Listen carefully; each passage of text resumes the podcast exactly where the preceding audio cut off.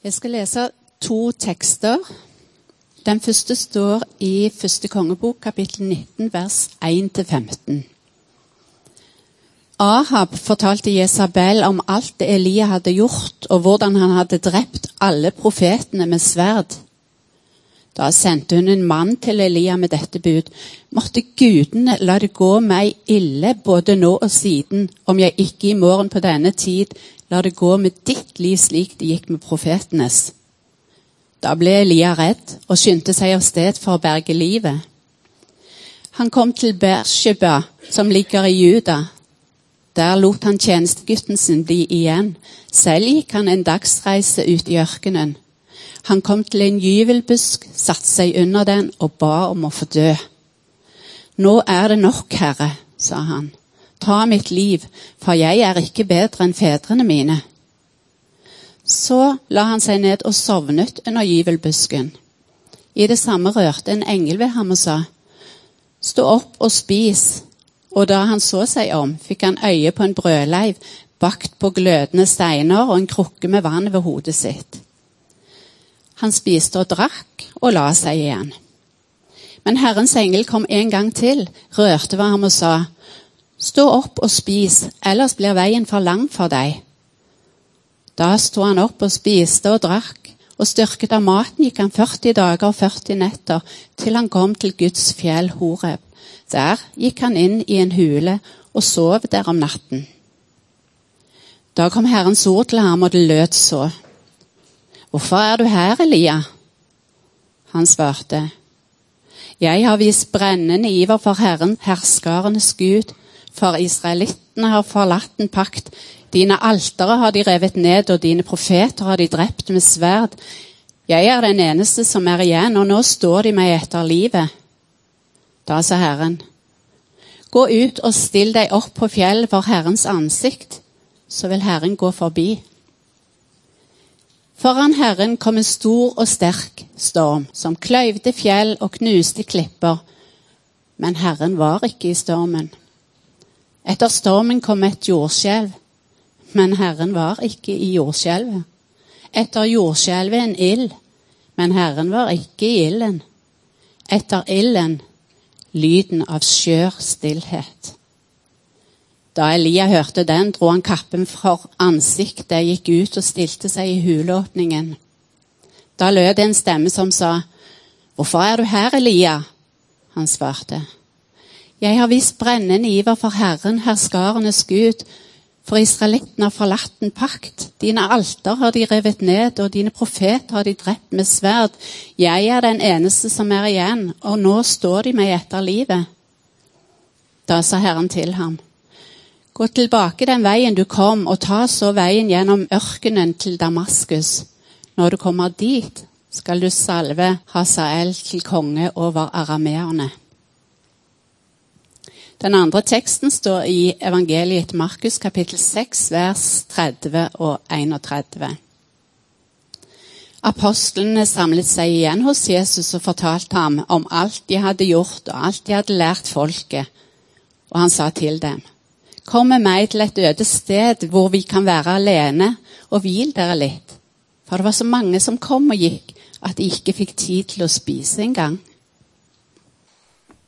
Da er vi faktisk ved veis ende på denne gudstjenesten for den serien som vi har hatt i høst, som har fulgt litt denne boka som heter 'Disippelrytmer'.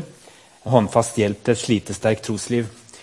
Og Jeg har sagt det noen ganger at uh, dette er et, uh, det er et redskap, et verktøy, verken mer eller mindre, som vi bruker, og som kan være til hjelp for å på en måte forstå eller få litt hjelp inn i dette som har med, med gode rytmer i troslivet. For noen så er det et redskap som de kommer til å legge til side nå og ikke bruke videre. For andre er det kanskje noen som kan følge oss på veien og være til hjelp. Jeg tror innholdet, temaet, er mye viktigere enn selve boka og måten det er formidlet på her. Og jeg tror vi trenger, og det er blitt bare enda mer overbevist om i løpet av høsten, vi trenger i vår tid å hviske til hverandre, minne hverandre om at vi skal ha gode vekslinger i livet vårt mellom aktivitet og hvile, mellom stillhet, alenetid, fellesskapstid. Vi trenger eh, å bli minnet om at vi skal både være i aktiv tjeneste, og vi skal trekke oss helt tilbake fra tid til annen. Og Forrige måned var litt i forhold til dette med tjeneste og oppdrag. og Hva er min tjeneste, hva er mitt oppdrag, hvor går vi, hvor går veien vår her videre? Og Så møter vi denne måneden dette med hvile fra hverdagen, som er noe litt mer enn denne kvalitetstiden som vi snakket om med lillefingeren. Kvalitetstid hver dag med Gud.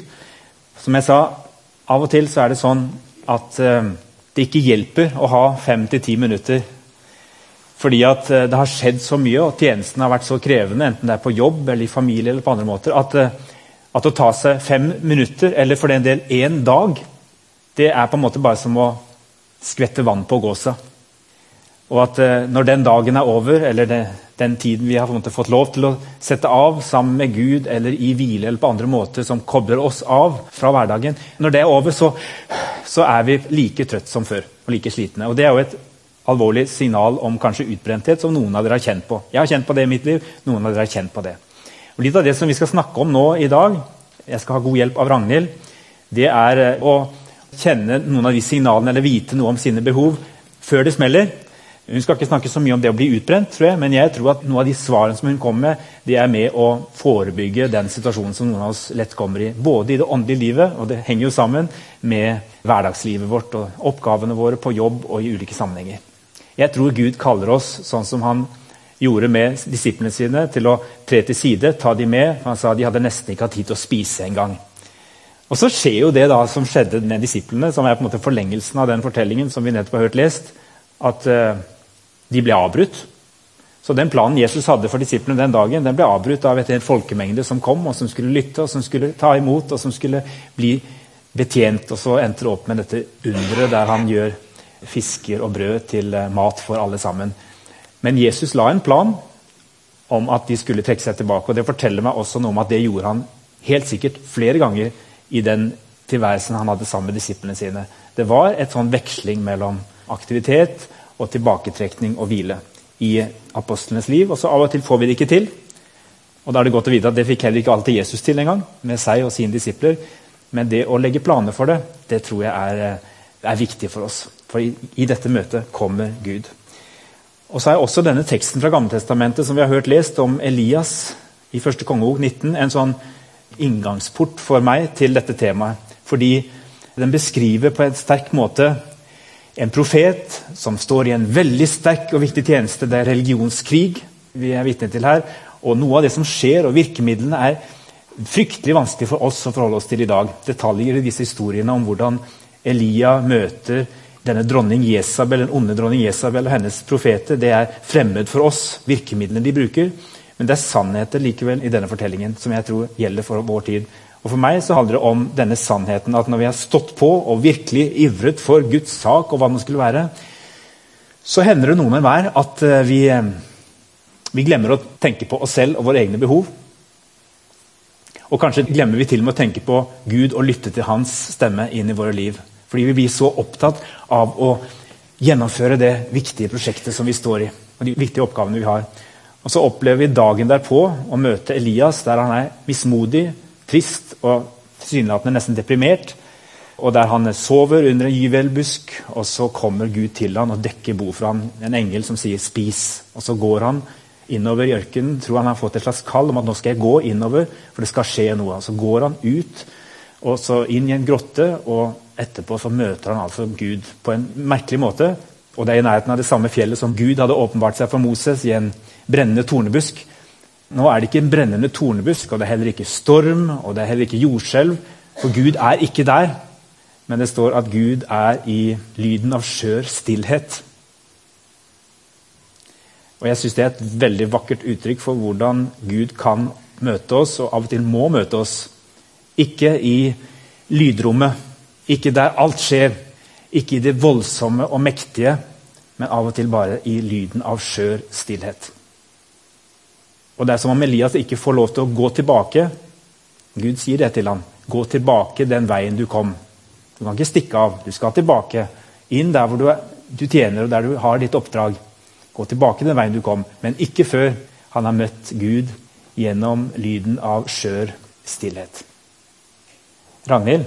Jeg har lyst til at du skal komme opp og så skal du dele noen erfaringer og tanker med oss om det som faktisk du har beskrevet for flere av oss som erfaringer med hvile fra hverdagen, som på mange måter har endret ditt trosliv også i hverdagen. Og det er jeg nysgjerrig på å høre mer om.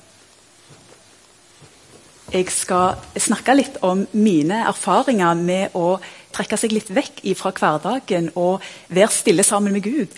Det å finne hvile sammen med Gud, altså være på tomannshånd med Gud. F.eks. med å være på retreat. Og jeg har vært på flere retreater, både helgeretreater på Holmavatn og på pilegrimsgården på Utstein.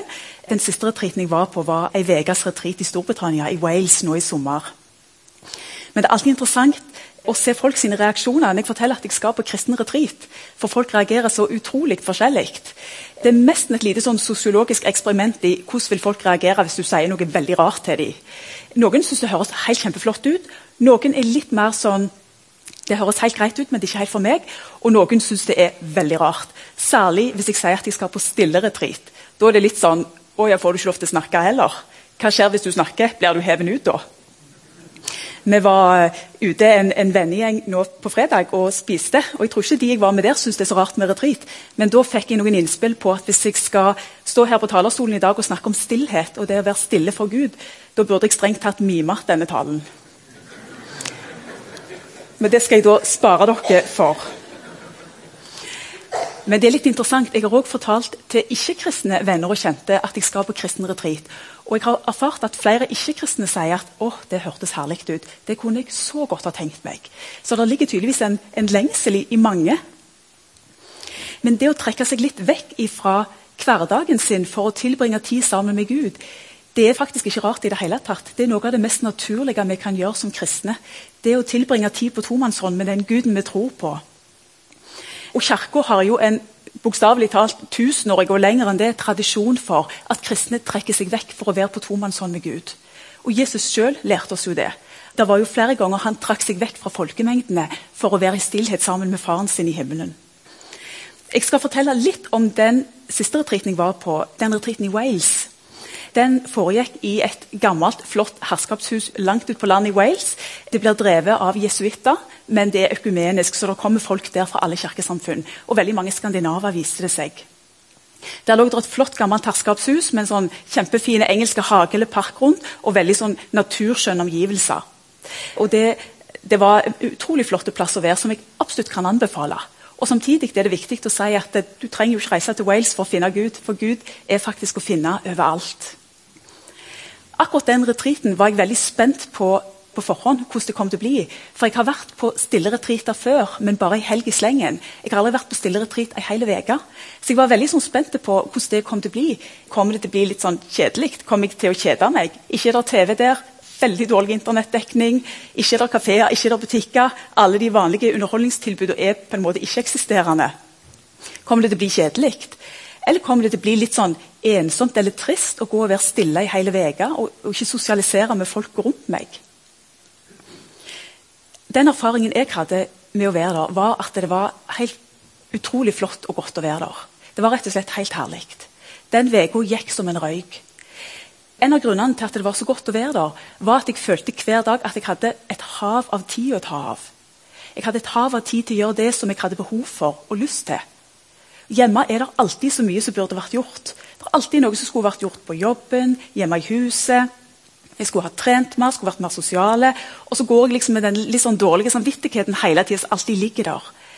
På retreaten der fikk jeg anledning til å legge vekk alt det.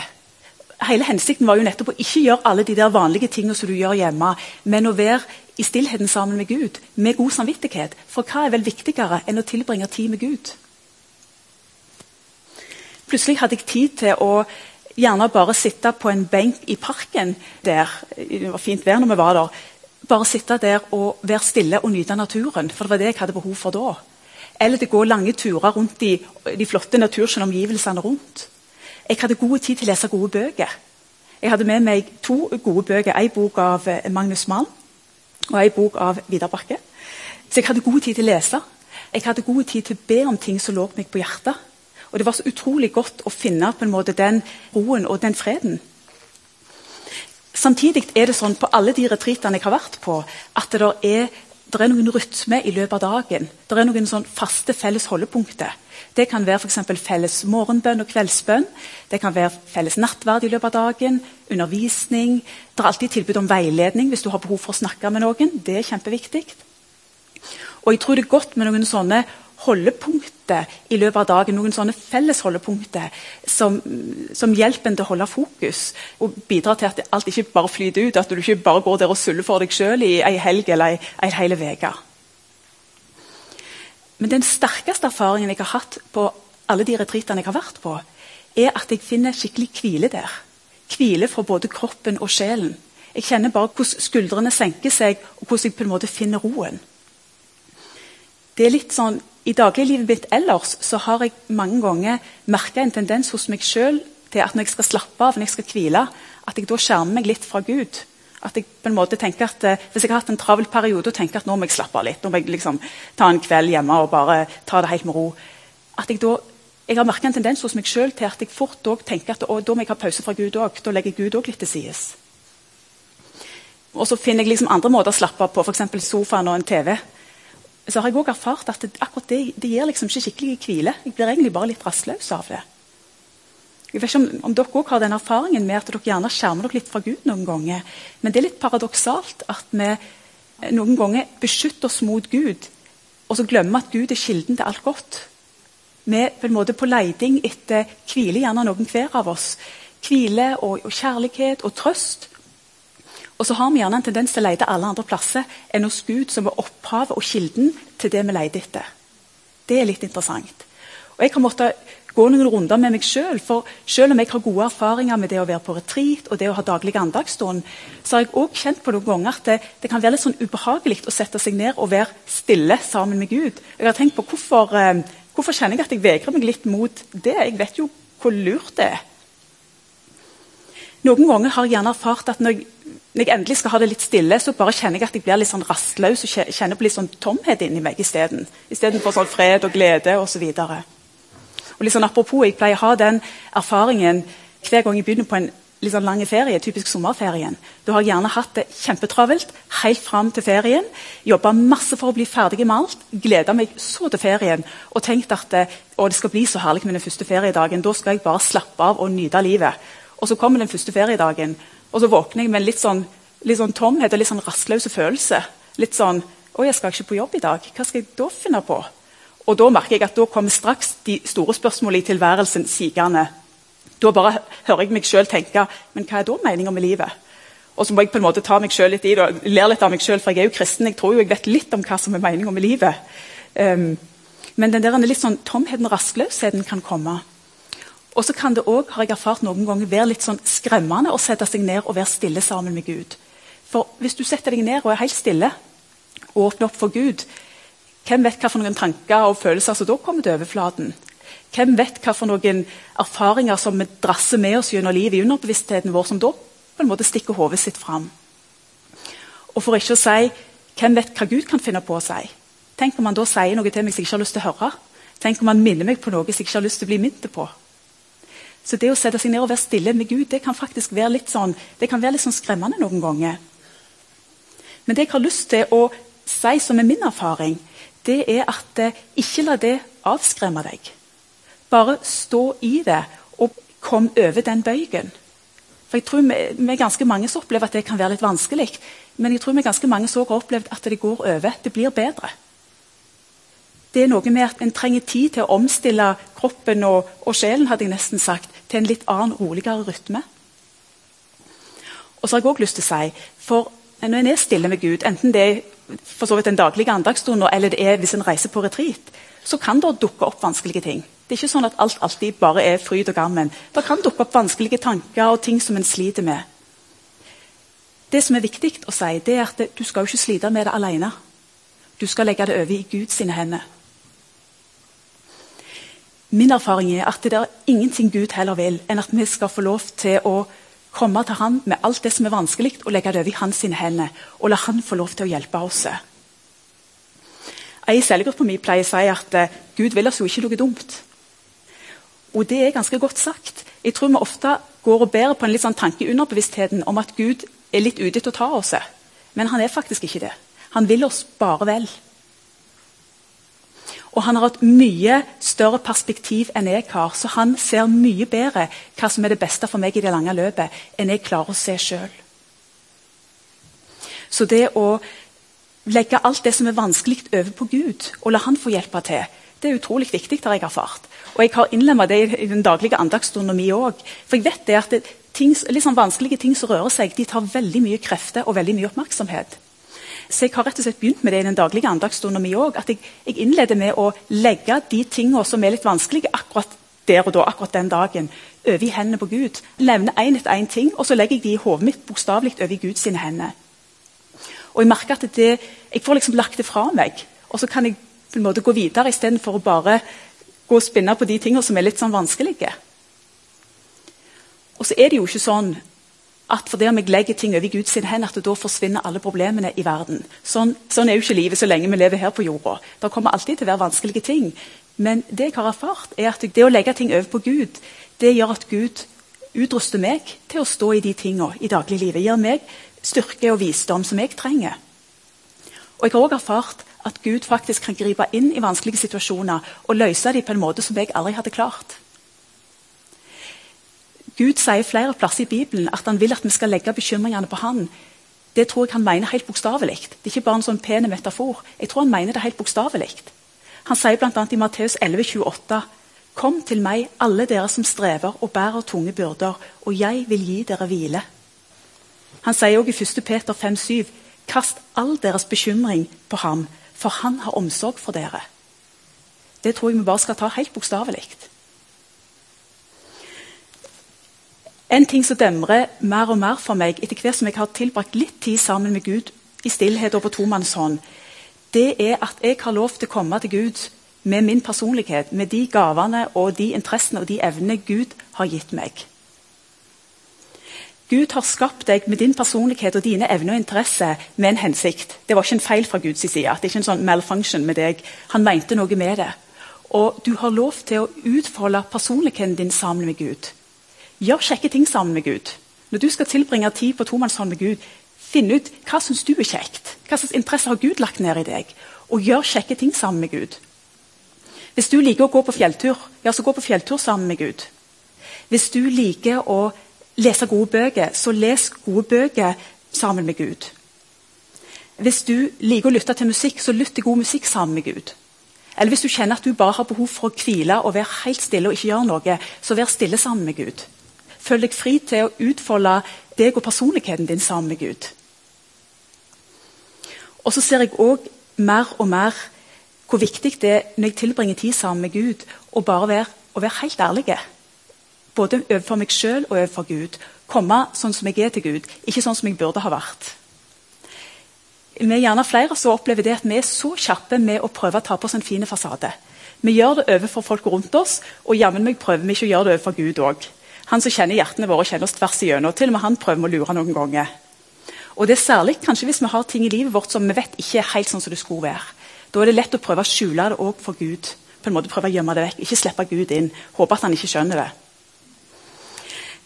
Det som skjer når vi stenger Gud ute fra området i livet vårt, er at han får ikke slippe til. Han får ikke hjelpe oss med de tingene. Og vi gir han ikke anledning til å forandre hjertene våre når det gjelder de tingene.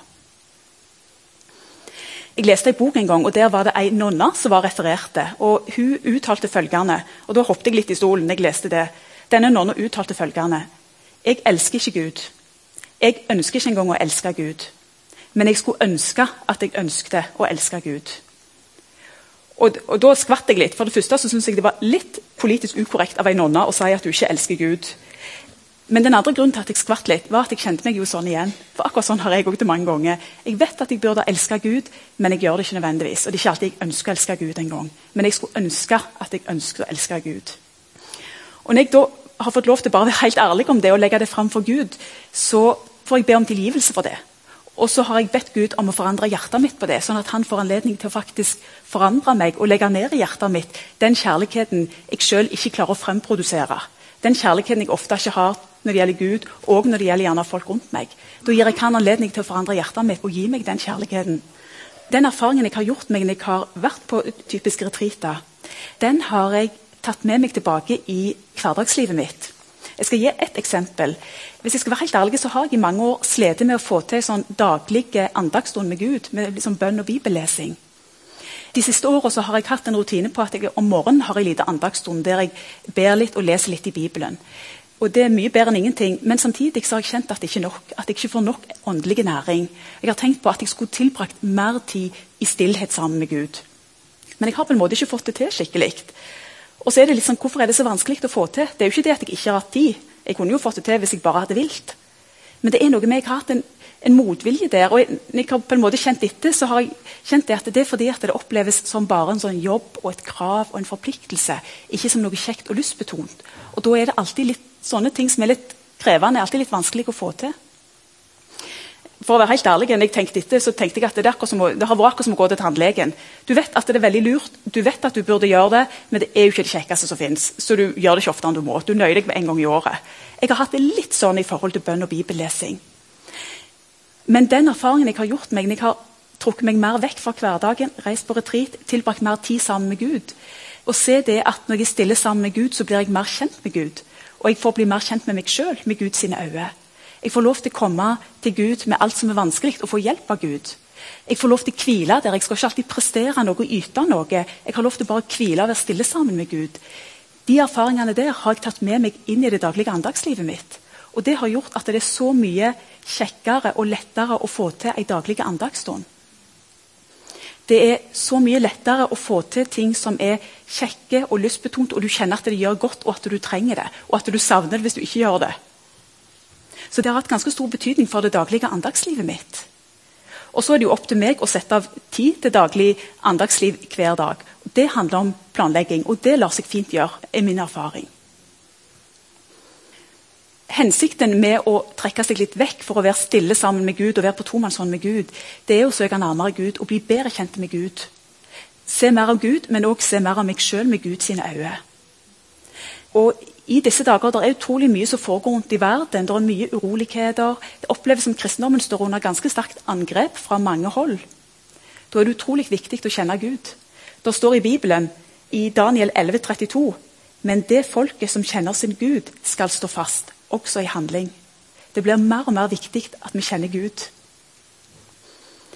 Hensikten med å reise på retreat, eksempel, eller det å sette av, generelt sette av tid i stillhet med Gud, det er ikke å trekke seg mer og mer vekk fra verden og isolere seg mer og mer fra de andre. Det tror jeg ikke vi skal gjøre. Men min erfaring er tvert imot at når jeg tilbringer tid stillhet sammen med Gud, så blir jeg bedre utrusta til å gå tilbake til hverdagslivet mitt. Med alt stort og smått som rører seg der. Det er sikkert noen av dere som hører på som sitter og tenker at det, ok, det er greit det er mer retreat, men, men, det er på en måte ikke helt for meg. Akkurat det med å trekke seg vekk og være stille sammen med Gud, og være på tomannshånd med Gud, det tror jeg gjelder for alle oss som er kristne. Men det trenger strengt tatt ikke være på retreat. Hvis du er, er god til å sette av tid i dagliglivet ditt til å være stille sammen med Gud, så er det helt utrolig flott. Men hvis du er de som kjenner at det, det blir lett med tanken. En tenker stadig at det, 'jeg skulle ha gjort det', men det, det, blir liksom aldri. Så kan det være at du skal hjelpe deg sjøl litt og ta deg ut av det vanlige dagliglivet ditt. Og på en måte sette av en dag eller en helg eller en uke for den saks skyld. Og være for på en retreat for å bli bedre kjent med Gud, for å komme nærmere Gud. Og så har jeg jo lyst til å si Når det gjelder retreater, at det finnes mange forskjellige typer retreater. Så der kan du bruke personligheten din og interessen din og velge litt ut ifra det. Korte retreater, lange retreater, stille retreater, det er temaretreater, det er kunstretreater. Det er mye forskjellig. Så det er noe med å kunne velge ut fra sin egen personlighet.